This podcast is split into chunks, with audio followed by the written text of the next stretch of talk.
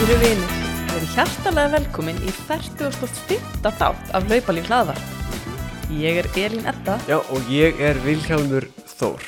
og við gerum alltaf jóka saman á mánudagskvöldum. Ef þú ert götuhlaupari, fjallahlaupari, brautarhlaupari, léttur og nettur skokkari, nú eða bara wannabe hlaupari, þá ert þú sko komin á réttan stað. Mm Já, þú fórst bara beint í jóka. Ha, Þú bara fórst beint í jókað. já, Já, já. já, við fórum bara byndi jóka, það er, Okkar kvildardagur. já. Alltaf mándaskvöld.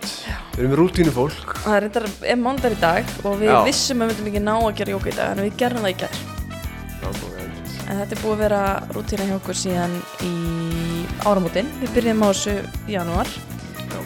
og við höfum bara verið mjög svona heilu með þetta og hlökkum alltaf bara til. Já, okkar svona kvildardagur. Já.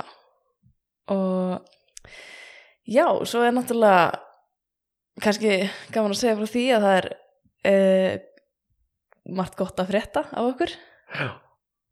og Nú. já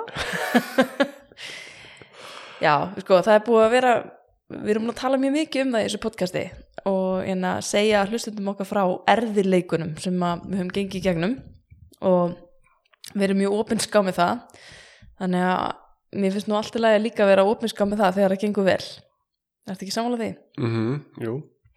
Þannig að við hefum svona ákveðið að tilkynna það hér og nú að við eigum von á badni Mhm. Já. og það er bara 20. og annan ágúst. já, 2020, já, þrjú. 2023 Já. Þetta er hérna, það kom okkur algjörlega á óvart þessi þungun þannig að Það má að- raun segja það, já. maður má segja það já, Mhm. eftir, að, eftir að hafa farið í tæknifrjókun sem að mislukkaðist og, og við ákveðum að, að, taka okkur bara smá hlje frá öllum þessum hugsunum og pælingum og, og ég skráði mig í laugaveginn og, Þú mátt skráði lugaðin. já, ég var bara komin á fullt í hausnum ætlaði bara að fara að laupa á full aftur og, og við höfum líka skráði ykkur laupi í ágúst. Og við vorum uh, farin að taka langar æfingar og Brekkusbretti í breiðholtinu og... Varst ekki? já, og þetta bara þá bara var því strax óleitt Já, hlaupin gera galdur. Þannig að ég, já, ég er við erum búin að vera mjög, þetta er búin að vera svolítið svona skrítið ár af því að við erum búin að vera svona svolítið að reyna að vera ekkert eitthvað of peppuð af því að við höfum slæma reynslu af því að vera þunguð áður og höfum svona þurft að fara í sónar og fá slæma fréttir þannig að Mhm. Núna erum við búin að gangi gegnum það að fara í sónar, hvað vorum við að tellja á hann? Fimm sinn? Já, þetta var 50 sónarinn 8, Í- 10, 12, 16 og 20 veikna. Já, það er rétt Eða ekki, Jú. jú, sinnum allt hefur komið vel út og Já. senasti sónar var í morgun, það var 20 veikna sónar. Og, og lítir í stelpa já, það er lítið stelpa á leiðinni og allt lítur vel út og þá er það bara komið á borðið. Já, Það, en að mun ekkert vera kannski hægt að fela þetta neitt mikið lengur heldur.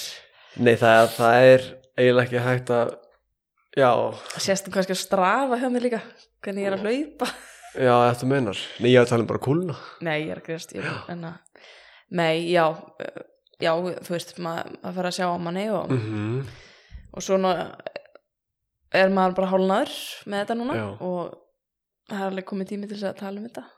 Og leifa hlustundum okkar að- gleðjast með okkur Já, yfir þessu. Sirgjast og gleðjast með okkur. Já, í, þeir eru með okkur í blíðu og stríðu. Já, Loksins er þetta í- blíðu. Ég verða að veikina það, ég hef búin að vera er búin að vera svo mikið eitthvað slæmt sem er búin að gerast hjá okkur og oft eitthvað leiðilega fréttir og maður er svona hálf vanur í að hafa einhverjar leiðilegar fregnir eða eitthvað leiðilegt að tala um og það er svona mér finnst eiginlega hálf skrítið og eiginlega bara frekar mikið léttir að geta bara sagt eitthvað svona jákvætt og gott Já, bara- maður svona einhvern veginn gera það samt svona hægt og rólega sko. Já, ég finnst það er eiginlega bara fyrst núna og kannski Já. eftir 16 vikna því að við vorum í smá Já, áhættu hana fyrst og þurftum að fara í auka sónara og svona. En þá var maður svona smá glaður en, en veist, í dag er ég einhvern veginn bara, já veist, nú verðum maður bara að að trúa þessu. Mm að- Þú veist, við þurfum að fara að skipulegja okkur og hérna. Ertu hægt við lögveginu? Já, ég ætla að fara að lauga veginn gengin sem sagt, 36 vikur. Já, um, það myndi vera eitthvað með ég, tekur rólega bara. Tekið rólega, já, bara tekið þetta á nokkrum dögum. Já, já. já, ég geti kannski lappan mjög hægt Mm. en þá myndi ég ekki geta skram, í hlöfi en, nei, ég er hægt við það Ok. því miður. en Ok. ég fór í Powerade um daginn. Já, fór, senasta sam, Powerade, fór saman. Þá var ég komin hvað, 17 16, 17, já man ekki hvað, man ekki hvað. En það var allavega hana maður getur alveg aðeins reyft sig og farið í rektina og gert eitthvað. Þannig að- mm að meðan bara njó, ég nýt þess að meðan er. Já, og, við ætlum að gera það. og bara þetta er búið að vera bara mjög góð meðganga held ég hjá mér hinga til. Mm svona venju, venjuleg vandamál bara ógleði og þreita og svona það sem allir lenda í fyrstu tólvökunar og, Já, og ég er núna í þessu golden trimester sem að kallast second trimester. Og ætla að fá að njóta þessi botna meðan er. Mm en Vel. hérna, ef ekki bara að vinda okkur aðeins í viðtal dagsins Jú. eða? bara viðmælenda dagsins. Það var hún Helen Ólafsdóttir sem kom til okkar. Viðmælandi sem að við vorum fyrir löngu búin að læna upp viðtali við og Það var bara haustið 2021 já, sem þá fengum við COVID Já. og þurftum að fresta og svo bara, æ, þú veist var lífið, lífið Elsa. Lífið, já.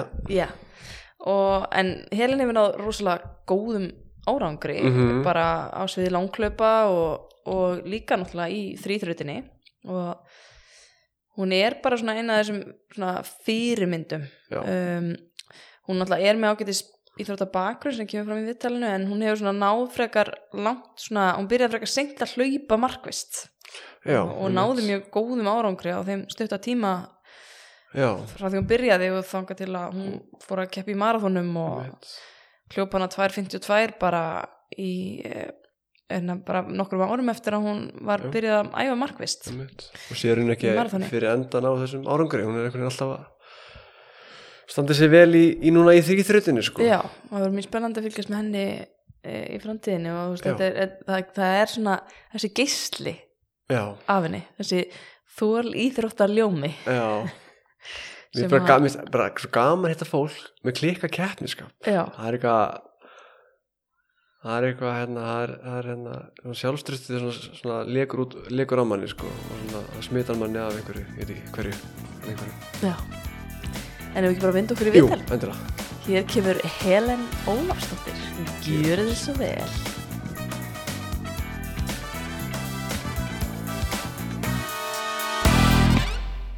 Helen, ertu hjartalega velkomin í hlaupalíf hlaðvarp? Kæra þakkir, gaman að vera hérna hjá okkur. Það er hérna var smá langur aðdraðandi að þessu viðtali hjá okkur Já, það er búið að gera stímislegt á síðustu, hvað, tveimur árum eða, eða Já, svo. já, það var Það er mikið sko COVID tóka í gangi þegar maður Já. ræði þetta í gæði sko hvenær þú áttir að koma til okkar og ég ángri sjálf, ég er ekki að djóka, það hefur verið síðasta haust en það var sko haustið 2021 Er það ekki? Jú. Já, það er að verða tvö ár. Já, Já, það er eitt Eitt og hálft Eitt og hálft. Já, eitt og hálft, já, Þetta var hérna, við, fengum COVID eða ekki, eða þú eða Nei, eitthvað ég fekk, við fengum bæði Fengum við bæði? Já. Já. Ég fekk skilabóð frá Elin að hún er grinst jákvæð. Já, þetta var haustið 2021 Já, já, já, já, Þetta var, við vorum aðeins búin að vera að skipla ekki svolítið fram í tíman svo hérna, loksins var komið að þessu og þá hérna, var ég með eitthvað flensu líka einkenni hana og það reyndist vera veiran læðísa sem maður hefur ekki þurft að pæla neitt mikið í á, á hérna, undanförnum visserum sem betur og sem tölum betur ekki fer. með núna sko en, en að bara gott að geta tekið upp þráðinn og bara fengið að taka þetta viðtal við þig það er svo margt sem okkur langar að, að tala um Mhm. og það var eðna, fyrst og fremst að langar okkur að, að tala um náttúrulega hlaupaferiliðin og svona og svo langar okkur að koma þess inn á svona meðsli og, og hérna, þrýþraut sem að er náttúrulega líka hlaup og Mhm. svona tengist hlaupa lífi mjög Mhm. stert að okkar mati Mhm. en byrjum kannski bara á byrjuninni sko, en að hver er Helen? Hva, hvaðan kemur eiginlega? Ertu úr bænum eða? Herri, já, ég er úr Hafnafyrði, hérna, ólst upp þar og flutti í raun og veru svo bara, já, eftir að ég egnaðist, hérna, eldri dóttu mína inn í Reykjavík, en Mhm. ég er sem sagt ólst upp í Hafnafyrði, í hrauninu þar Ok. og hérna, já, hver ég er, ég er sem sagt uh, móðir á tvær dætur, uh, uh, bý hérna í Reykjavík núna og er mentaður kennari, fór síðan í viðskiptafræðina og kláraði masterskráði þar í fjármálum og, og starfa í fjármálgeiranum í dag, búin að vera þar næstu í 20 ár eða svo Mm. og er sjóðstjóri í hjá kviku eignastífingu í dag. Kér. Kiss, akkurat. Ég voru náttúrulega saman aðeins í borgatúninu 19, Já, þá varstu í stefnið ekki? jú, og ég er um banka. Ari baka, Mm alveg rétt, alveg rétt. Hvað er þið gömul? Herði, ég er 51 árs, Já. með 52 ára þessu ári. Er þetta svona spurning sem maður má ekki spyrja eða er þetta? Þetta er ekkit, ekkit feimnismál, sko. Nei, ég verð að segja það að mér finnst þú líta ótrúlega vel út Mhm. uh, og þú lítur út fyrir að vera yngri heldur en þú ert uh, og ég held að þessi hlaupum að þakka Mhm. að ykkur leiti en hérna, ég man sko eftir því að fyrsta skipti sem ég sá þig ég man alveg eftir því og það var hérna það var Reykjavíkumarathonið uh, ég held að hafa verið fyrsta skipti sem ég tók þátt. Þá var ég nú ekkit eitthvað orðin eitt svakalega mikið hlaupari sko en þetta var 2016 Ok, það er það áður rétt árin ég kynnist vilja Já, og ég má bara eftir í hvað mér fannst þú glæsileg sko. og, og, þú fannst það, og þú hljófst líka svo ógeðslega rætt sko. og hérna og hérna fyrst fannst mér veist, ég held ég að ég geti bara verið svona svipum hrað og þú var að hlaupa svona svolítið í skottuna þér svo var bara bílaði lengjast og lengjast og ég man eftir að þú veist eitthvað langt og undan mér í mark ég held að það verið fyrst í mark þetta var í hálfumarathoni jú, það stemmir. Það var nú ekki gott ástand á mér í þessu hlaupu og þessu matræðanda. Ég var í raun og veru að hlaupa fóbrutin. já, ok, með, með- álagsbrot með brotið, já, hérna, bein í táberginu frá því í januar og hljóp svo marathon í Berlín um hausti, sko, já, en alltaf teipuð alveg já, í ok. þessi haus, sko, ég veit Já. ekki hvert að fer með stundum með mann, en já, en gaman að það, þú ert að koma inn í hlaupi þarna 2016, já. já, það var eiginlega Já, þú kemur í er 2017 að ekki? Jú, Já, og þá verður að byrja. byrjaði að æfa svona. Já, en þetta var, þú veist, það var svona veist, þetta er eitt af því sem ég man eftir að vera svona, þú veist, kvartning fyrir mig, skilur En Þannig að- gaman að heyra það. uh, mér varst gaman að minna staða, sko. Já. uh, maður man alltaf eftir svona momentum svona eitthvað, þú með kransing komin í mark og ég bara eitthvað, þetta er gegga mér langar að gera þetta. En dásalegt. Uh, og svo, já en uh, mér finnst þetta mjög skemmtilegt moment en þú ert uh, með tvær dætur og þær eru ég hef nú eitthvað aðeins svona verið að fylgjast með þér á miðlunum sko, þær eru nú báðar bara í íþróttum eða ekki, líka Jú, hérna, eldri dóttir minn, hún Katrín, hún sem sagt var að æfa með ég er, frjálsar, íþróttir já, og er bara rosalega íþróttamanneskja. Er núna í raun og veru kannski ekki að keppa en er að æfa mikið og, hérna, og líka svona að lifta og styrkja sig. já, Og yngri dóttir mín er eh, sem sagt að verða atvinnudansar í já, nútímadansi. Hún er Já. í háskóla út í Hollandi. Hún er ekkert smáflott sko, ég hef skoðað myndbönd að henni og hún er bara, veist, er ég hef ekki mikið áhuga á, veist, dansi per se, ég veit ekkert um nútíma dans eða eitthvað svo leis, en þetta er ótrúlega flott. Já, hún er að standa sig vel og, og þær báðar, þær eru hérna móður betrungur. það er dásanlegar, ég er opuslega stolt. Já, þú mátt alveg vera það sko En En bara eitt bara að vera atvinnu dansari, er það bara eins og atvinnu maður í fótbolt, ef þú bara fær borga bara launa fyrir þetta og hún er Já, hún er í er raun og veru bara, sagt, hún fer út til Hollands nýjórðin 17 ára, fekk undan þáu, hún náttúrulega er háskólan á. Já, Já. hún fór svo út, hún í raun og veru náða að klára diplomanám úr Vestló Já. um sumarið, þetta er í, þegar COVID er að byrja. Og sem sagt kláraði á Vestlunarskóla gráðuna Mhm. þannig að þeir voru til í að taka mótinni því að þetta var er náttúrulega háskóli. Og, þarna, og svo var hún ekki hún átunar og hún fekk undan frá, frá, frá því. Mm. og hérna byrjaði þarna sem sagt tæplega 17 ára gömul í miðju COVID. Og hún er búin að standa eins og hetja og er Mhm. núna að klára þriði árið. Og fjórða árið er starfsnám og hún verður í Sviss á næsta ári komið með samning þar þannig að Ok. spennandi tíma framöndan í henni maður. Þá ertu í raun og veru, þú veist, já, þetta er eins og íslenski dansflokkurinn en hún er í raun og veru, þú veist, bara við einhverja, já, leikhús eða svona danshús. Mm eitthvað starf í heiminum. Ok. Þannig ég er ekki vissum að ég sé að sjá mikið af henni á næstunni, því miður. Þú bara verður duglega að kíkja heimsón Já, já, ég er til, ég er mannafótin hjá henni. Svo. Já, var að Geggja að hlaupa í svissur maður, í, í fjöllunum þar og... Hlaupa og hjóla og, Já, og já, synda í einmitt. vötnunum. Alveg, ég er alveg gjössanlega búin að kortleggja þetta allt Já, saman. ekki. Sko. Já, Já. þrýþrutin er fín þarna Algjörlega. Já. Frábært að fara til hennar. Tekur að sér að vita. buttun örglega að vera hana en annars er það mjög flott hana, Er mikið af vötnum í Hollandi sem sagt? Nei, ég er að tala með Í Sviss. Í Sviss, já, Já, ég held að já. vera um Holland núna Nei, Já. Sviss. Já, ég var að hugsa um flat, flatlendið í, í Já, Hollandi. Það er alveg geggjað að hlaupa þar. Já, já, já, segja ykkur. Það er æðislegt. Já, en þú veist, hvaðan kemur þinn íþrótta áhugi, þú veist, eða varstu mikið íþróttum þegar þú varst barn eða varstu góð í þeim eða... Ég er aðeins búin að hugsa þetta og ég held sko bara, ég horfði hans bara í æsku mína, þú veist, við vorum krakkarnir í hverfinu úti hvern einasta dag bara langt fram á kvöld í leikjum mm. og alls konar leikjum, bara eltingaleikjum og, þú veist, boltaleikjum og fótbolta og handbolta og nefndi það. Mm. Ég held að þú veist, þar er grunnurinn minn að, hérna, að myndast í raun og Já, veru. bara svona þrekið Já, og hérna, ég er tíu ára gömul því ég tek þátt í fyrsta viðhanslaupinu sem var haldið í hérna, ég hafna verið alltaf á sumartæðin fyrst eins og er hérna í, í Reykjavíkurborg og hérna þá var frænka mín í heimsókn og ég átti bara einhverja kloss, átti enga íþróttu sko, Mm.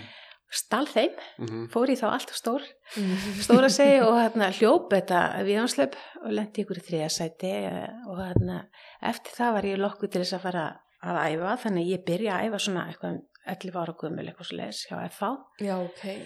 Og er að æfa frjálsar sem úlingur og svo í raun og veru það sem að ég kannski líka þakka mínu þreki og annað, ég var alltaf að byrja út blöð mm. alveg frá að ég var 11-12 ára gummul og ég hljóp alltaf Já, á morgnana, ég held á bara pókunum og hljóp með það. Þannig að þetta var, ég, þetta var alltaf klukkutíma löpaðing bara elst nefn á morgnana. Alveg. þannig að þetta er minn grunnur held ég. Já Þetta, þetta eru verið svona indival já, ég raun að veru. Svona lítið Já, tapata algjörlega. Já, á milli að það pappi minn sko skuttlaði mér því að, var að byrja út mokkan pappi kerði mig alltaf. Á milli húsa. Já, ok.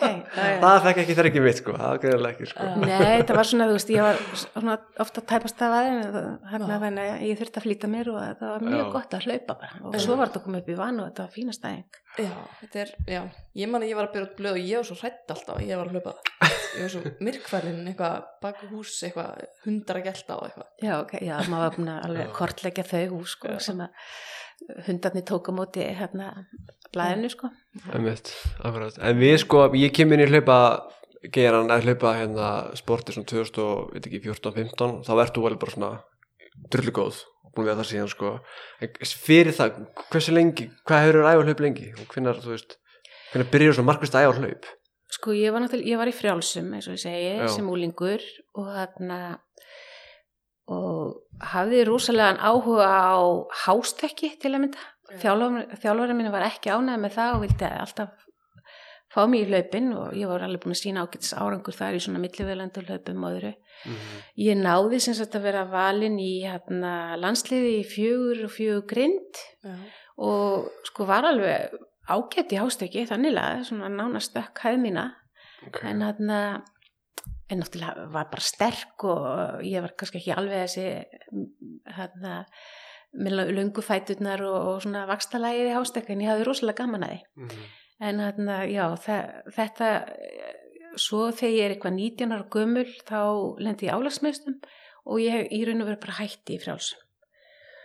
Ég byrja í raun og veru ekki aftur að hlaupa bara fyrir en þegar kannski eldri dóttir minn er 6 ára og, mm. Og þá er ég bara í ræktinni og, Mhm. og svo eh, held ég að ég eitthvað í kringu 2009 þá hérna fer ég á æfingar hjá laugaskokki mm.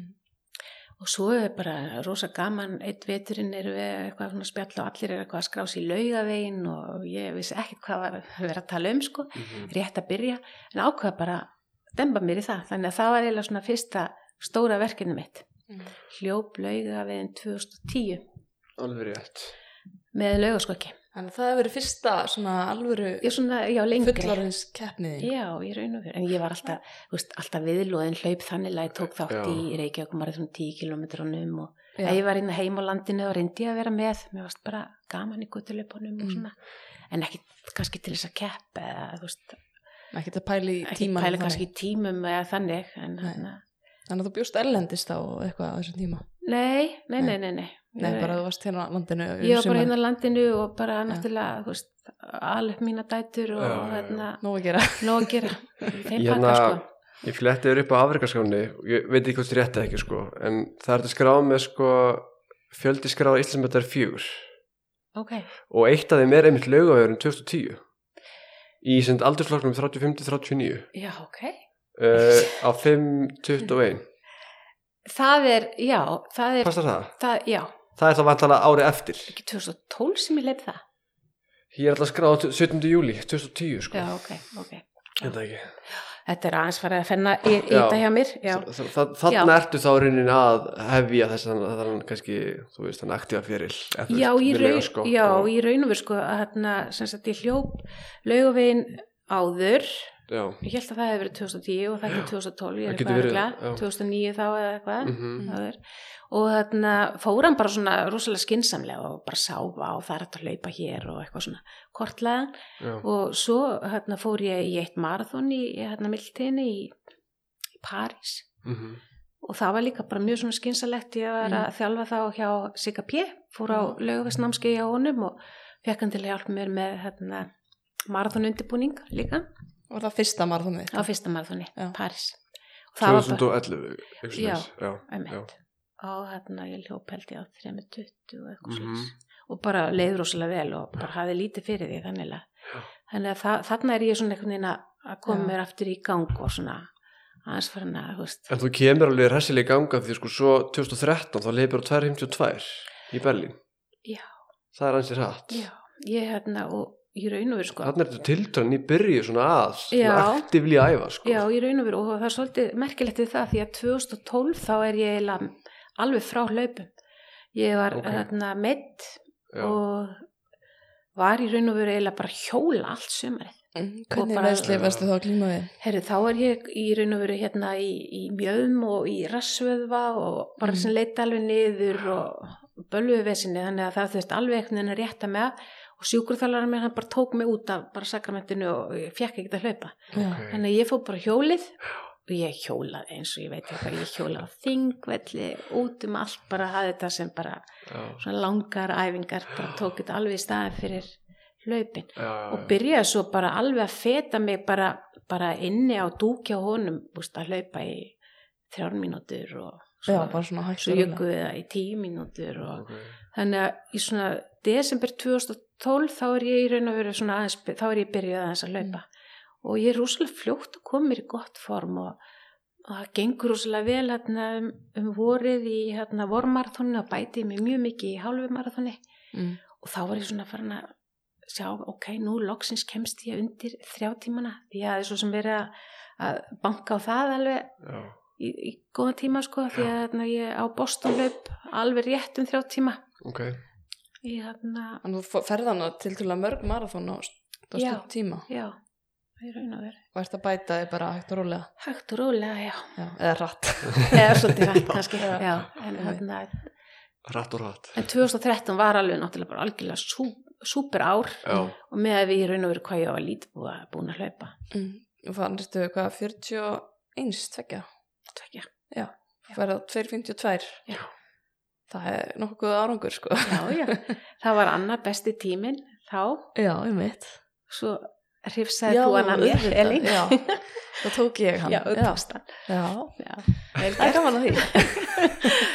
Já, en að mikið leði lett að Nei, ég er rosalega gaman að fylgjast með þér. Og ótrúlega öflug og er gaman að sjá það koma aftur. Já, það verður mjög gaman. Minnst þetta svo gaman sko að þú hjólar henni heilt ár?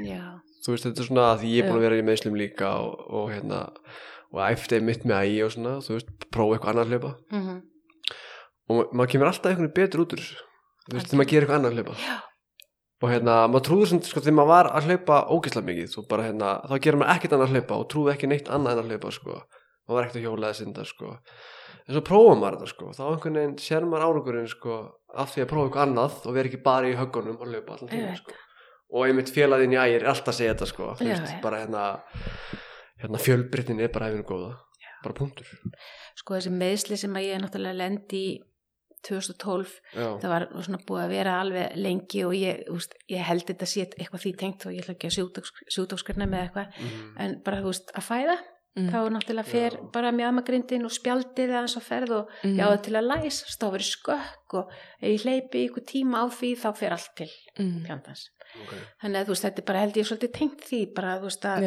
skrokkurinn minn í dag hann þólir ekki þessi svona mikil hlaup. Já, þannig ég varði í raun og veru þú veist þetta er bara mín ástriða Mm.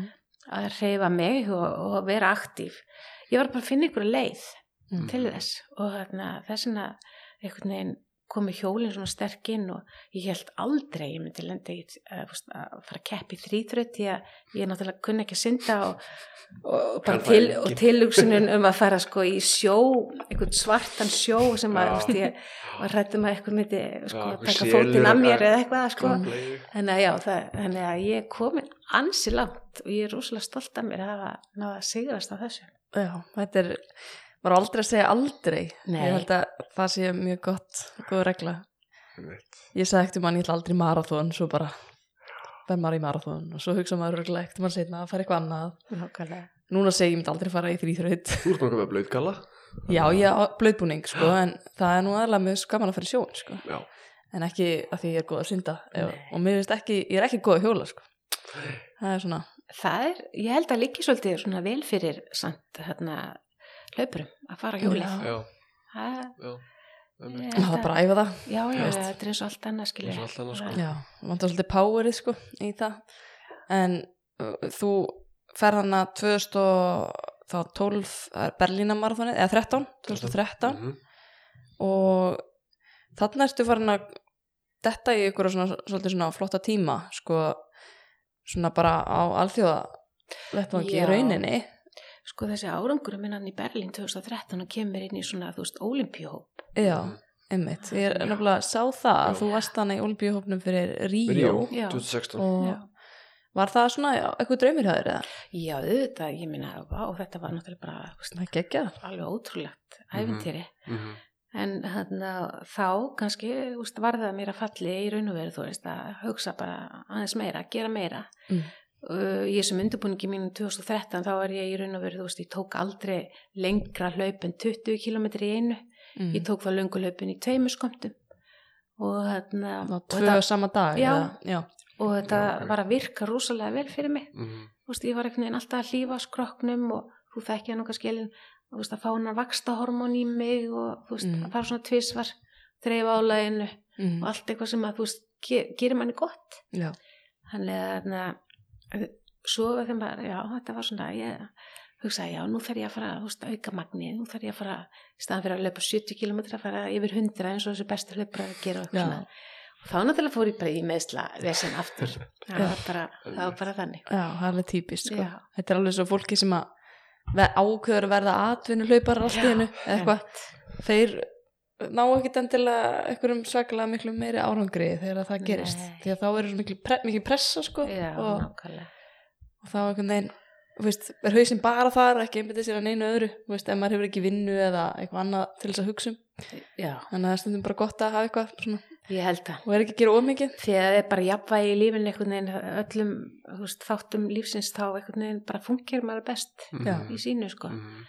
Þannig að já, þetta var, þetta var náttúrulega bara vá, þetta er ekki draumur allir að bara tilhugsun að komast á ólíkuleika já, já, einmitt. Þannig að já, ég, ég ætlaði einhvern veginn að hérna, reyna að fara að hlaupa meira og já. það, og þá dettur þú í önnur meðsli þá lendi ég í vesinni, já. Já, Ertu í þjálfum þarna hjá einhverjum sérstökum eða hver, hver, hvernig ertu að treyna þig? Já, Á ég, sko, í kringum þetta alls sem að þá hérna fæ ég aðstof hjá Gauta Gretasinni, sjúkurþjólar og byrða hann um að hérna, hjálpa mér aðeins og hann í raun og veru ánáttúrulega bara rúslega stóran þátt í mínum árangri 2013 mm. og hérna nei, ég þakk honum það alveg að hann hjálpaði mér bara, veist, og, og fekk mér bara til þess að, veist, sætta mig við það að veist, að nota aðra leiði bara, ég væri, gæti ekki gert þetta eins og vannalega, mm -hmm. Mhm. bara að fara aðra leiðir að þessu og það gekk upp. Varst þú í enga þjálfun hjá hann með þessum hana? nei, nei, við bara, þú veist, ég, ég setti saman í raun og verið eitthvað prógrum og, og svona, þú veist, maður var svolítið svona sjóaður í því og, og svo bara sendi ég á hann og við rættum og stýrðum álæginu, hann var eiginlega svona kannski stýra meira álæginu hjá mér og, og svo les. Þannig að þú varst að setja þitt eigið marathonprogram saman. Já, í raun og veru. Ég hérna náttúrulega úst, átti einhver gömul prógram sem ég hefði fengið bæði frá Sigga P. og, Mhm. og hérna Birgi Sævarsinni. Mm. Mhm. Þannig að þetta ja, átti góðan svona banka af Mhm. góðum æfingum.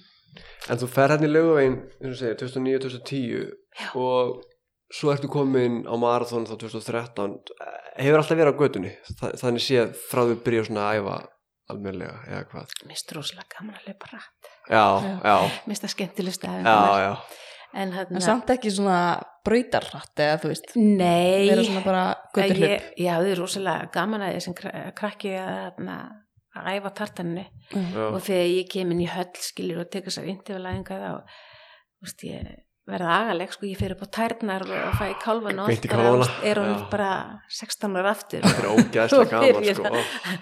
að spretta Já. að já, mér finnst rosalega gaman að fara á brautina sko, En þú, ert, ert, þú varst að þjálfa ekki? Hjá Val. Valskokk, Heyrðu, ég er búin að vera aðeins aðstofa þau. Ég, ég, ekki? já, ég tók bara intervalæðingarnar hjá já, og hérna, þannig að ég fekk að fara inn í höll einu sinni í viku. Já, já, já, með og gera það síðustu þrjú ár, bara var gaman. Ertu að Já. þjálfa eitthvað meira? Nei, Ertu, nei. nei, bara þessu? Já, bara svona aðeins að snerta Já. En það, uh, mér var svolítið merkjald að setja þetta eigið program saman, ég veist, auðvitað fullt af fólki sem gerir það, en, en ertu þá alltaf búin að vera mikið að æfa ein, þú veist, ekki kannski með einhverja félaga til þess að taka æfingar með. Sko ég hljóp mjög mikið með þarna laugaskokki náttúrulega á sínu tíma. E, síðan ég raun og veru hljópi með Bygga Sævars og, og Pétri Ívars og þeim og svo Já. hef ég alltaf haft aðgangað HHC hóknum og, Já. en já, ég hleyp mjög mikið einn og svo í dag þá er ég náttúrulega bara heila að hlaupa þrísar í viku Mm. og svo er þetta bara, þú veist, þegar maður er í svona krefindi starfi og annað, þú veist, þá er þetta bara svona púsluspill, Mm. maður kemst ekkit alltaf á þessar æfingar þannig að nei Já, ég hef alveg aðan í það alltaf að æfa bara sjálf vel. Náttúrulega rosalega styrkjandi og gaman að koma í hóp, mhm. en það stoppa mig ekkert, sko. Ég mæta alveg á æfingu þótt að ég þurfa að mæta einn, sko. Mhm. Já, líka kannski ágætis svona leið til að kúpla sig út úr mjög krefjandi starfi, að taka bara æfingu ein og vera bara Algjörlega. Fá endorfínið þannig, sko. Já. En hvenær ferðu úr því að fara svona bara í hlaupin yfir að fara í þrýþrjönduna? Hva, eh, líka hver er kveikjan? Það er kannski svona, Sko, ég var náttúrulega í það öllu þessi meðslaprasi mínu, Mhm. alveg Er þetta alltaf sömu meðslin? eða er þetta... 2013. Þetta er í raun og vera alltaf þessu tengt, skiljum. Ok, Þannig að þú veist, Grindin já, þá já, grindin og kefjan fer eitthvað, þú veist, verður sko að koma álagsmeðsli eitthvað já, ég skil. og ég lendi í því í raun og veru já 2016 í hérna hálfumarathoni út í Flórida að það gerist eitthvað og setna mér kom í ljós að ég hafi brotið sagt eitt af hérna beinunum sem hvað heitir það hérna í tábyrginu já, og það í raun og veru greinilega fyrst hefur bara komið álagsbrot svo held ég bara áfram að hlaupa á því og það fyrir bara í tvenn já, Þannig að- það verður meira heldur en bara sprunga. þetta Já, alveg er bara, brot. já, þannig að ég er í raun og veru bara teipu þetta ár veginn undirbúa mig undir Berlín sem ég Mhm. hljóp 2016 ég hljóp það hlaup Mm. en eftir það þá hugsaði, sásingin var svo skelvilegur Já, mér brotið, já. En þetta er sama ár og ég sé þig í já, Reykjavík marathoninu. já, já, nákvæmlega þá var ég undirbúningin þegar því en ég var í raun og veru bara svolítið er, ég fekk sko seint greiningu Rosa, Já. ég vissi ekki af þessu í raun og veru fyrir en eftir Berlín Mm. að ég væri með brot í fætinu En alltaf að hlaupa á já, verk. já, já, alltaf Já. alveg býta jásli alveg magna en hérna já, þá sagt en fyrir þann tíma hafi ég alltaf notað þessi meðsla tímabili minn þá hef ég alltaf henst á hjólið. Að nota Já. hjólið mjög mikið. Mm og hérna þetta var svona aðeins fara ég var farin að hjóla með ægi Já, og þetta var svona aðeins farið að, að svona, hérna, fara á skrifsundnámskeið og og læra skriðsund og sjá hvað Þarna 2016, 17 eitthvað. Já, eitthvað slis, Já. eitthvað en það bil. Já, Ég, þá var ég búin að vera hjólaðins með já, og þá fer ég sem sagt á skriðsundsnámskeið og svo einhvern veginn fer ég svona eitthvað að týnast á æfingar einhverjum ára setna eitthvað. Já, og hérna og vinna bug á þessari hræðslu minni. Og svo nú veit ég ekkert betur en að fara í, í teka fram heitan sjó og synda sjósund það er bara Já, þú ert að tala um sjá útlöndum þá, ekki, Já. ekki það er bara, nú er þetta orðið sko bara, mm. þetta er orðið bara æðislegt tilökkun að komast í sjóin og, og synda. já, og ég er að fara í mjög stort verkefni í haust Ok, og ég hérna bara get ekki beðið fyrir að klára þessa tæpu fjóra kilometri í sjónu sem ég ætla að senda þá þannig að og hvað ég er komið svo langa verkefni er það? það er heill Ironman Það er í heill, já, já, Barcelona Við ætluðum akkurat að spyrja þig hvort að það væri ekki komið tíma á það Jú, það er ekki að segja Já, Nei, ég er að grínast Það er bara búið með hvað þrísa sinnum hálfan eða ekki Jú. Já. og þá var spurningin ætlar að fara í heilan eða ætlar að halda þig við hálfan það var kannski bara aðra það Já, það, það var í raun og veru ekkit sem kom til mín nema bara síðslega höst að ég væri bara tilbúin og mér Já. langaði. Mhm. Já, ég er að- alveg búin að finna fyrir eitthvað svona pressja, verður verður ekki að fara heilan og það var allt í hennu bara, heyrðu, nú, nú langa mig. mm. Er það ég- algengar að fólk fari bara stökku bara í heilan, ef þú veist kannski Það er eftir alveg til fólk sem byrjar þar sko Já, eða og bara eiginlega ítir þessu svo af listanum sko. Já, en þú ert ein meira í þá hálfum jörgalli Ég er búin að vera- styttri? Ég er búin að vera, já, ég er búin að vera sem sagt að taka þátt í hérna hálfum járkalli mm -hmm. og er í raun og veru bara, þú veist, að uh, búa til reynslu bara, þú veist, að alast því að synda og svona í sjónum og, Mhm.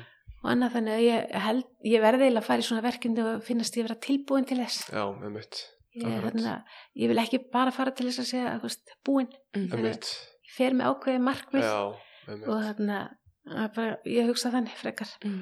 Ertu það búin að vera í þá þrýþrutinu svona cirka bát ykkur fimm ára eða eitthvað kannski frá 2017, 18, eitthvað svo leiðis Og já, Þú verður að keppa mjög mikið þú verður að taka þátt í þessum Sko, sprettþrautum og annað sko já, frá eiginlega 2020. 20 2020 held ég, 2019 kannski ég, ég held 2019 sé fyrsta sprettfruti mín hérna í Kópaví Já, það var held ekkert svo mikið meira keft kannski, nei, út á COVID fyrir það. En þú hefur verið alveg, nokkuð oft á palli í þessum, þrautum. Já, það er bara gengið rosalega vel. Já, En hvar er, er þessi heili jákall? hann er í Barcelona, Barcelona. Ah, það er geggjað. Fyrsta helgin í oktober Já, og það er svona mjög gott hitastig og svona til þess að vera að æfa eða keppa þar já, ég á Væntanlega. nú samt sko það getur verið, sjórin getur verið alls konar Já. uh, ég fór sem sagt þarna fyrir tveim ára síðan og tók þátt í hálfum jórkalli og uh, það voru þryggja metra háar öldur þannig að sundi Vá. var stitt Ok. og ég get alveg þá var ég nú ekki alveg komin eins langt inn í sundi eins og ég er í dag og ég hörði bara og ég hugsaði bara á ég eftir að koma lifandi út úr þessu þetta var svakalegt og það var ekki allir sem komist í gegnum öldina sko og gáttu byrjað að synda og bara kastaði þeim á land aftur Ok, En ég náði að synda þess að, ég held að þetta hafi verið eitthvað, tæpi 900 metrar eða eitthvað og ég náði að koma mér í land og allt eins og múkki sko. mm. En hérna hafði litla, ég var bara svo glöð að hafa klárað þetta. já, já Náði að koma mér á hjólið og hérna, Þannig að þú varst bara virkilega sjóveik já, það var ekkert annað hægt, þetta var bara sko haugasjór.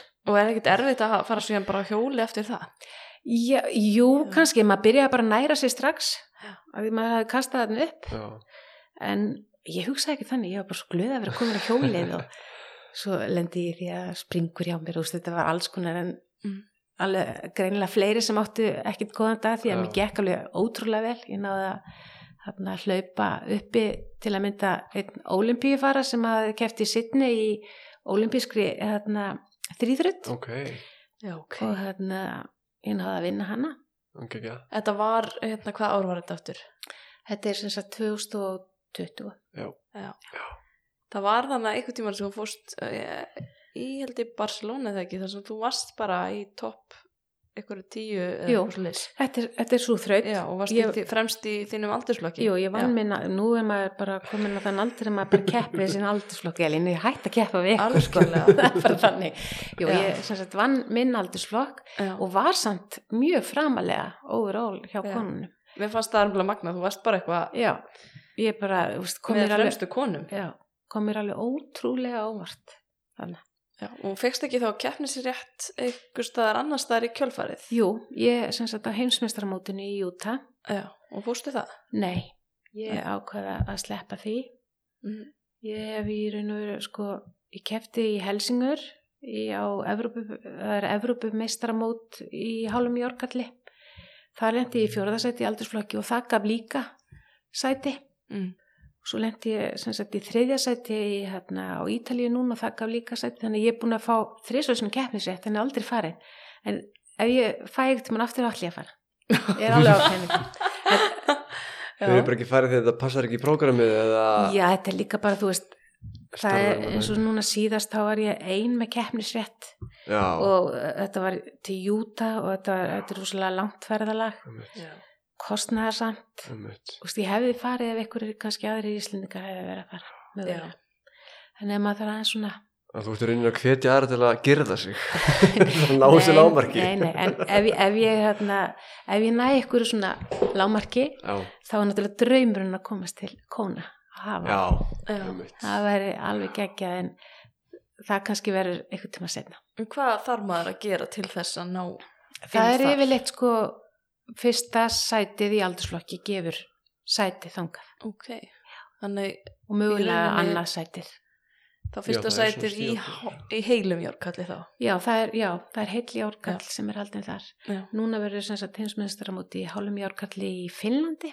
já, Það er líka mjög spennandi. Já. En það bara henda ekki, ég var nú að hugsa um að fara í ágúst en ég er að fara í brúköp til bróðumis á Krít. Að það var ekkert hægt að, já.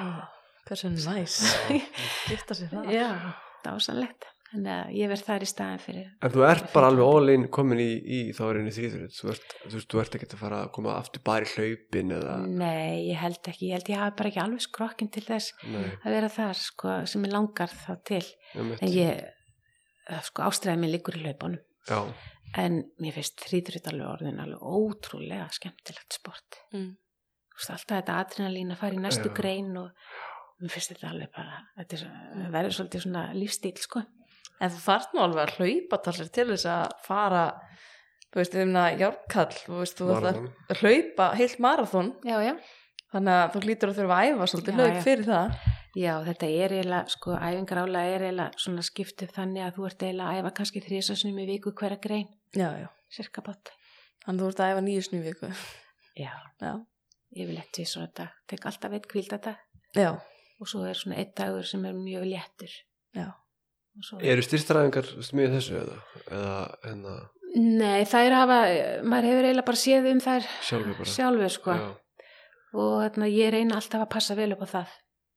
ok Ég er bara heppin við það, ég er svona frekar með sterkar fætur og, Mhm. og sterk og á auðvilt með að halda öðmassa, ég held að það sé svolítið líkill en Já. árangri þegar maður er elda sko. mm, Já, Þannig að hérna, ég hef verið í styrsta þjálfun alltaf hjá Gauta Grita sinni hérna Mhm. í, í sjúkurðunar Reykjavíkur, Já, tvisar í viku. þannig að þú ert að æfa eh, þú veist, hvað ert þú að æfa? Þetta eru, 11 sinni mjög viku eða? þetta eru kannski Já. svona 12 tímar á viku Já, sem fer í þetta.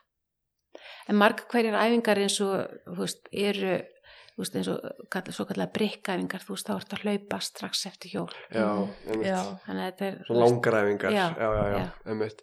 En sko þú sagðir tvísvar á dag, þá væntar það kannski fimm sinni í viku eða, eða sex sinni í viku, er, þú veist, þú ert í krefindi vinnu, er, minna, þú veist, gerir eitthvað annað í lífun, er, er, þetta er bara væntar lífið þitt, eða ekki, þetta er tvent. jú, rosalega mikið, sko. Já, ég veit út Eh, börn og svona, en ég meina Já. svona eitthvað að fara í bíó og leikús eða svona eitthvað að gera eitthvað annað, ertu ekki bara í þessu? Nei, nei.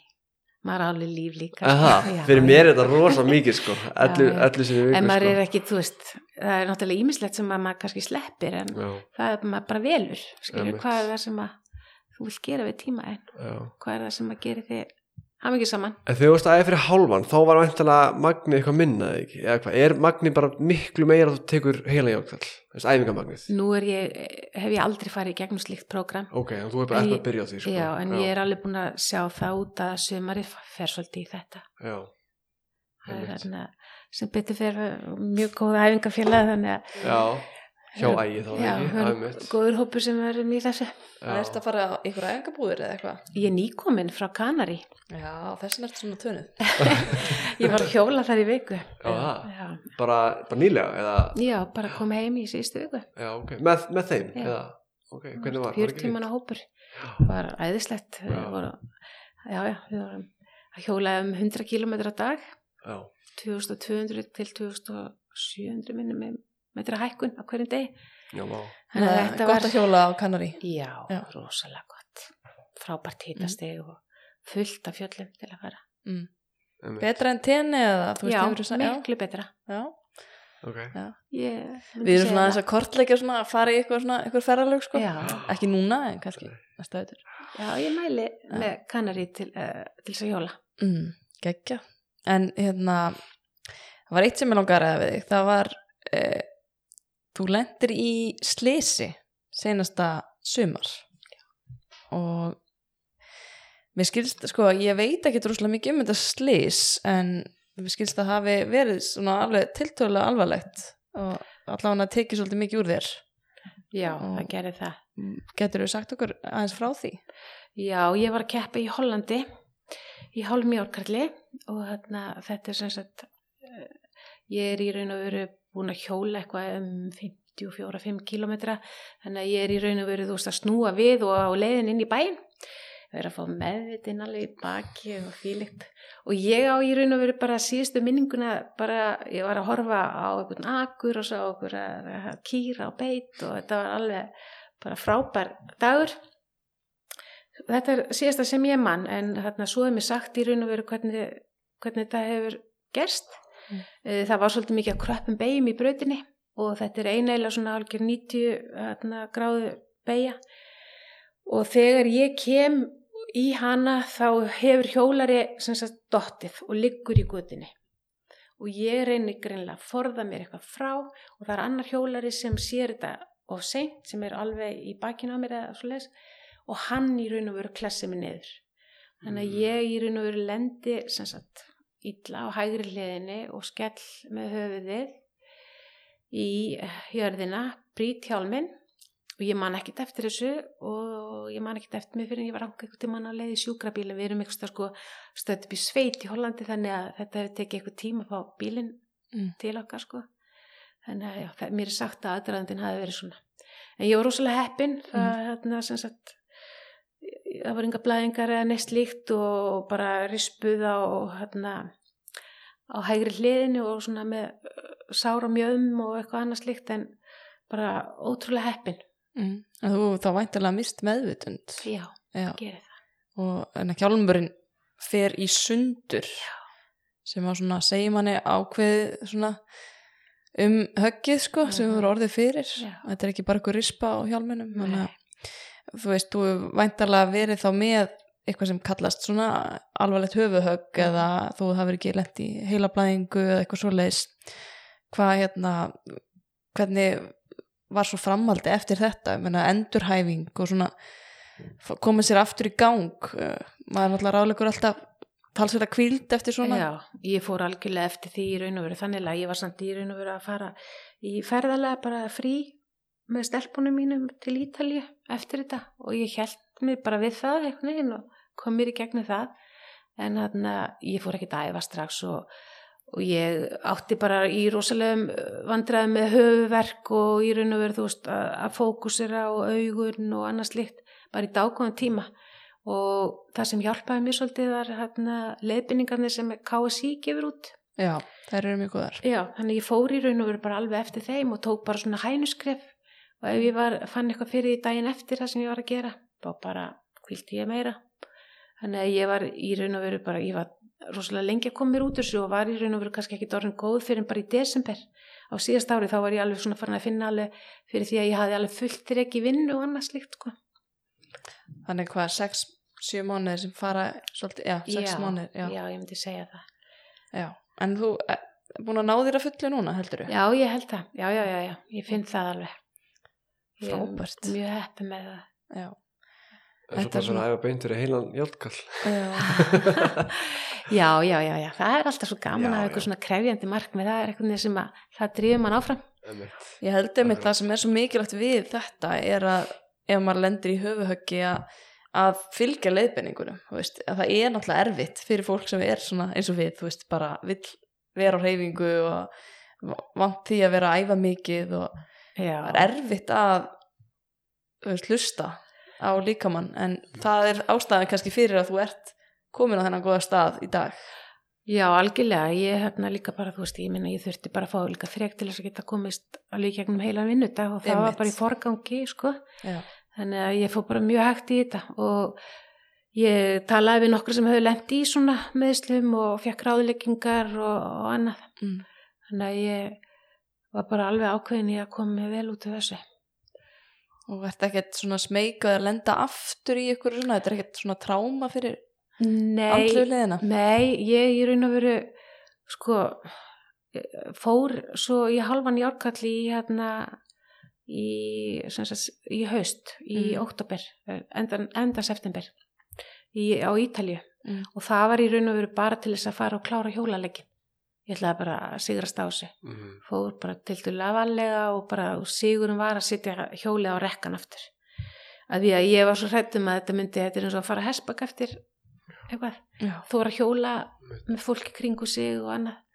Þannig að það var alveg ótrúlega mikill sigur og svo fann ég núna á Kanari að ég, ég er ekkert lengur hrætt þú veist, þú þarfst að vera alveg fókusir á leinin niður fjöllin og annað. Þannig að ég verist alveg vera komin yfir þetta Mm. sem betur fyrr já ekki ekki að þið voru að tala um þessi, hérna, þessi lítil hænu skref, hann að Mhm. leiðbyrninga frá KSI, sagði það? Já. Hva, hvað er það? Ég hef aldrei hýrt það aður. það er bara varandi höfuð áverka Já, hvernig kemur að- tilbaka já, eftir hvernig það. þú kemur tilbaka, bara leiðbynninga Ok. með það og það er í raun og veru þú veist þetta þú prófar eitthvað smottir í Já, og og hvernig þú tekur, svo, já, tekur stöðuna daginn eftir hvernig leiðir, varstu verri, betri eða Já, þú veist, er þér óvægt að taka næsta skref og annað þannig að. Ég fekk bara ábyrtinga frá læknum að, að, að nota þetta og Já, ég, ég gerði það. Þetta er frábært sko, er bara er þetta að flettis upp bara með því að googla? Ef ykkur já, er búin að lenda í höfuhöggi og vantar Mhm. ykkur leiðbenningar og en að það er náttúrulega búið að vera mjög mikil umræða núna undarfarið um höfuhögg í íþróttum. Sérstaklega það náttúrulega í boltanum já, já. og en að talsvært verið, umræðinu um svona afleðingarnar sem það hefur veist, til lengri tíma hjá sumum sem verða bara því miður eru aðrir en að sem eru kannski óhefnar en þú og fá svona langtíma af, afleðingar eins og hormonabreitingar og, og langtíma höfuverki og svona. Og ég held einmitt að þú veist það sé svo mikilvægt að innbráða þessu bara alveg strax. Algjörlega. Og það eru sumir sem fá bara höfuhöggi í leik og halda áfram Já. með leikin Já. þú veist það er einlega eitthvað viss mikil áhætta ef þú í raun og veru farið eitthvað aftur höfverk mjög fljó, fljótlega eftir svona. Já, þá eru meiri líkur á í raun og veru þú eigir í langvarandi einmitt, þannig að þetta er oftast endurtekin uh, svona endurtekin höfug sem er að já, valda því sko, mér finnst alveg það er áhugavert að að ræða um þetta sko. Mhm. þó þetta sé kannski ekki alveg að skemmtilegast. Nei, nei, nei, nei, nei, nei. en þetta er bara, ég meina uh, ups and downs og nú er leiðin bara upp og við aftur. Það er, er spennandi að fylgjast með þér í, í haust. Það er gaman að vita sko að því nú ert að fara í heilan sem er það fyrsta skiptur sem fyrir heilan játtkall sem er væntilega stærsta markmið þess aðal sem er að æfa þrýþrut en ertu með, þú veist að því sem er með heyrt svo er til miklu meira sko. Eitthvað tvöfaldur játtkall og eitthvað svona bull sko eða þrefaldur eða eitthvað, eða eitthvað svona, eitthvað svona extreme. Já, ég sá um daginn á Instagram það var gæði sem tók held ég hvað, það var eitthvað svona 50 játtkall á 50 dögum eða eitthvað, það var eitthvað, bilun sko. Hundrað og hundrað Já, það var 100 100 dögum. Ég bara Nei, ég stegi loði, ég fyrir ekki Eitthvað- hvert er, er eitthvað svona er eitthvað æðra markmið en það í þessum viðst, Nei, þetta er bara stæstaði ekki? Já. já, já fyrir mér er 100 bara, 100 dögum, ég bara hvað hann er ennþá jafn að sér sá gæja á því sko. Sko ég ber alveg virðingu fyrir sem ég veist þetta alveg ótrúlega stórt verkefni. Já, ég pínur hrætti við það sko þannig að ég fer bara alveg sko mjög niðlút og með virðingu inn í þetta sko Já. en eða Einmitt. fyrir mig bara verið að klára og auðvitað er maður með, með eitthvað svona hliðamarkmið en fyrst og fremst að bara koma sér í gegnum þetta Einmitt. það markmið eitt er náttúrulega að klára en ertu með tíma markmið eitthvað? uh, ég er svona sko ég held að sé aðrir sem eru búin að setja það niður fyrir mig Ok. ég, er svona, ég er ekki ennþá búin að, búin að ákveða hvað ég ætla að gera Býtu þú átt í hálfum þá áttu 5 504 Já. Já. ok, og það er þá væntarlega talsert meira en tvöfalt. Þú veist, já, tími, það er þá væntarlega eitthvað meira en það, 12 tímaður eða eitthvað svo leis ég veit, ég kann ekkert á þetta sko. Nú er ég bara að giska sko. Fabulera ég er að fabulera, já, ég veit eiginlega ekki um þrýþrut, þannig að mér finnst alveg gaman að ræða sko Það verið geggjað að ná svona um 11 og ég vil kannski aðeins undir það. Já, einmitt Ok. Það þannig að, já, ég fekk til þess að segja sko en hvað segir, er eitthvað meira sem við viljum ræða eða fyrir bónusspurningar eða? Já, við erum bara að fara í ansi margt sko Hérna, eitt sko því ég var einhvern veginn að mæta á æfingar með ægi hérna í den, þá var, var Óle þjálfaði ekki Mhm. Er hann ennþá, Já, hann er þess að leipina mér. Hann leiðbeina er þér, að já. mér. Þarna, er það bæði í hóknum og með svona, með hans leiðbyrningar eða svona bara bæði og Já, og sérstaklega þegar við erum að fara í svona, veist, hann, ég þarf pingu að láta svona álagsstýra mér. Já, ég skil Ég, hérna... Þú veist bara svolítið keira áfram eða Já. já, já. Já, til að fara stundi Eðlilega. fram á mér. En Já. að það þarf yfirleitt ykkur að vera með, með í bandi. Mm. Ok. Slaka Og hann er góður í því Hann er mjög góður.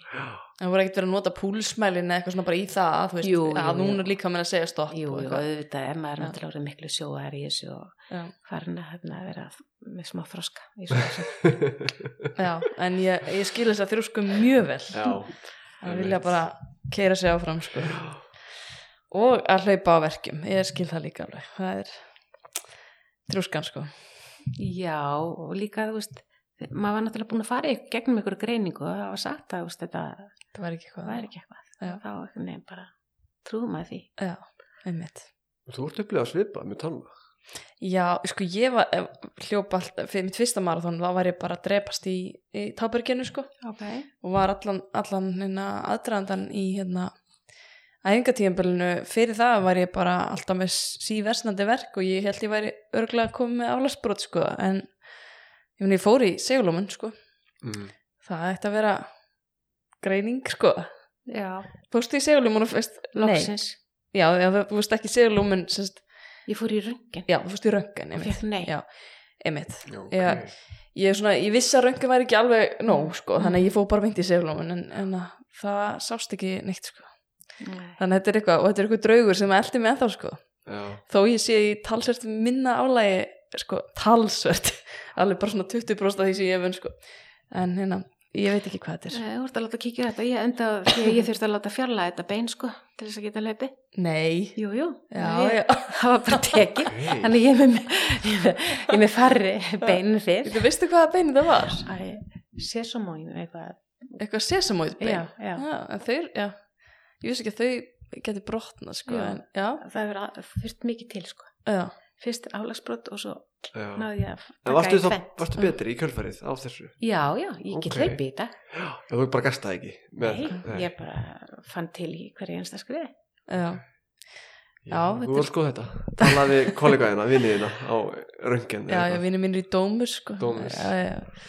já, já, þetta er ekki til þess að við erum ekki hérna til þess að ræða mig sko. Herri, þú átt alls konar afrygg, fullt af flottum afryggum Hvað er svona þitt stoltast afrygg?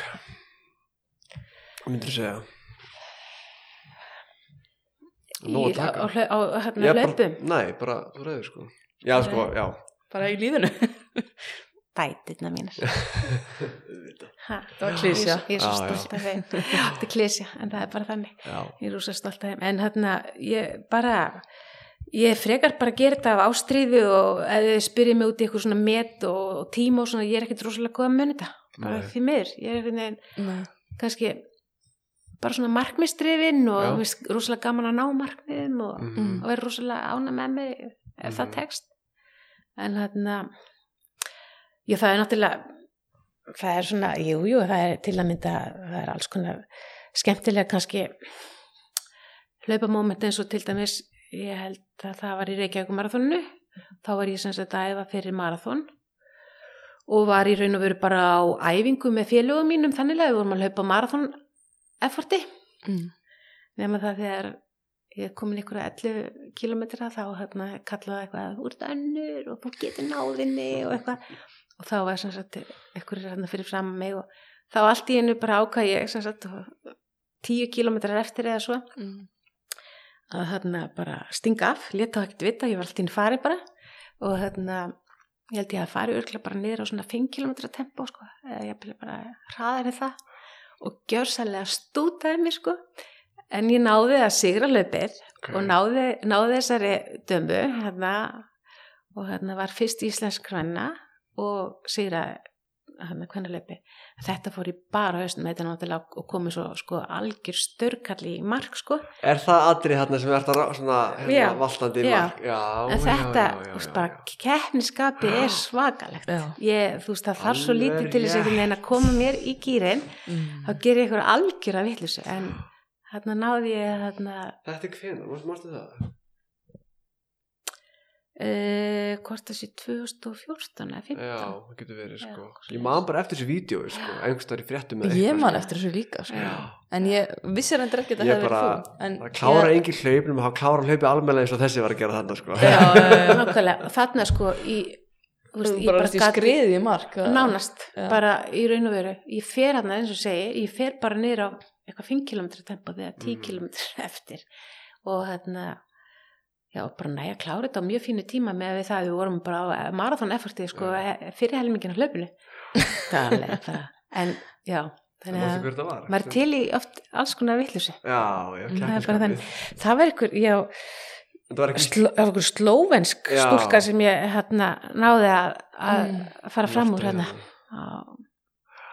Þú er gæðilega með keppniskap já, Já, Það. það kemur langt sko í lífinu. Já, í lífinu, Í lífinu. Já. Þetta er kannski líka skemmtileg hlaupasaga. Ég er svona, maður, Við spyrjum oft svona vandræðilegt hlaupamóment. Já, það má alveg segja að þetta hafi verið það sko, en ég s- samt eftir alveg ótrúlega stolt af mér sko, Já, að hafa náða að púlla þetta því að ég, með við sko hraðan sem ég fór niður á sko, sem að ég bara hefði aldrei átt að geta haldið þetta út sko þetta sýnir bara hvað maður er með sterkan haus sko, og ég myndi segja að þetta væri ekki vandræðilegt sko.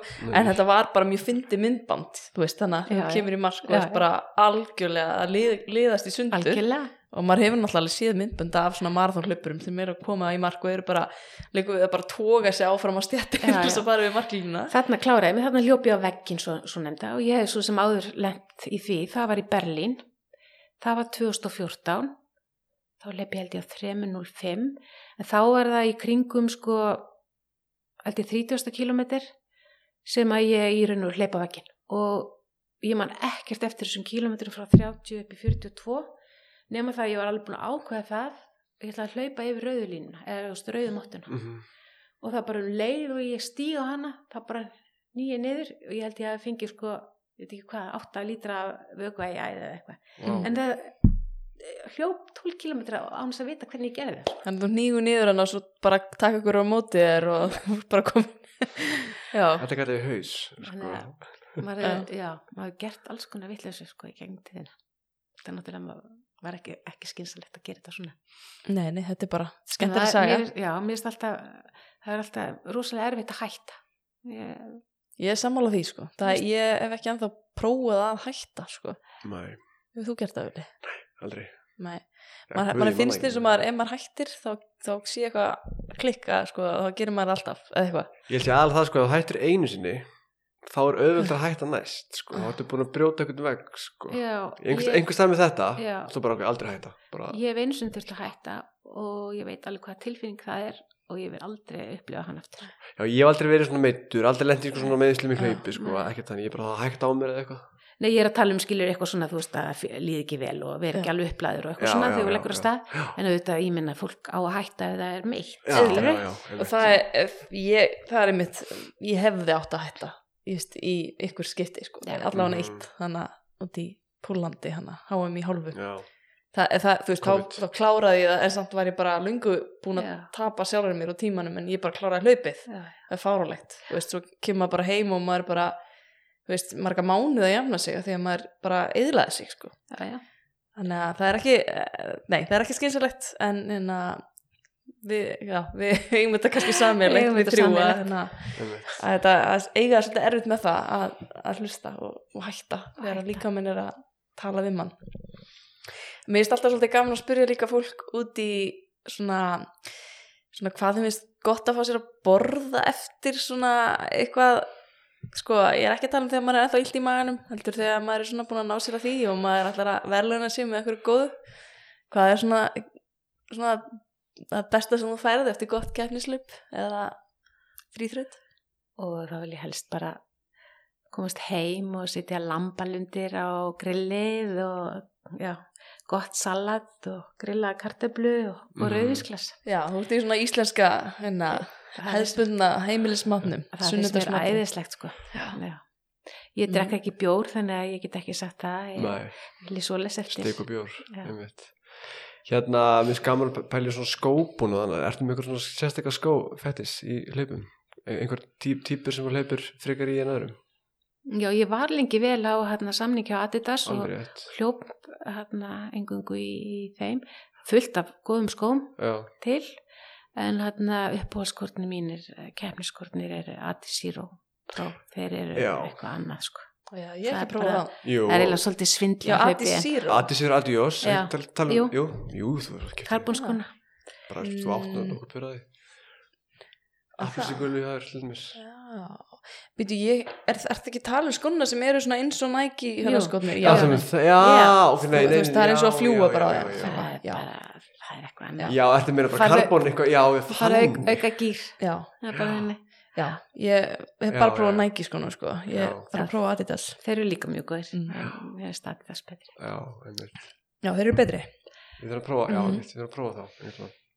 Já, Við byrjum að leipa þurr Já, við erum hérna með hlaupalíf hlaðvarp og við erum bara hérna voðalega lítið að hlaupa þessa dagana en Nei, nei, það er alltaf eitthvað Þetta er þetta kemur aftur Herri, áttur já. einhverja fyrirmyndir Uh, Kemur upp í kollin já, já, maður á, á það náttúrulega hefur hort til svona, þú veist, ímessa íþrótta manna, sko. Mhm.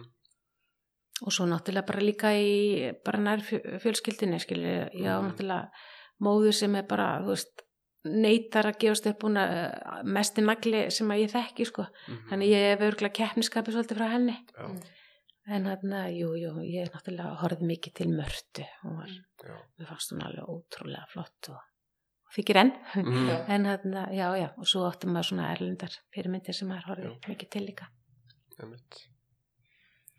En ég held að við séum bara er með allt sem að við ætlum að ræða í dag Já, er eitthvað sem þig langar að bæta við svona í lokin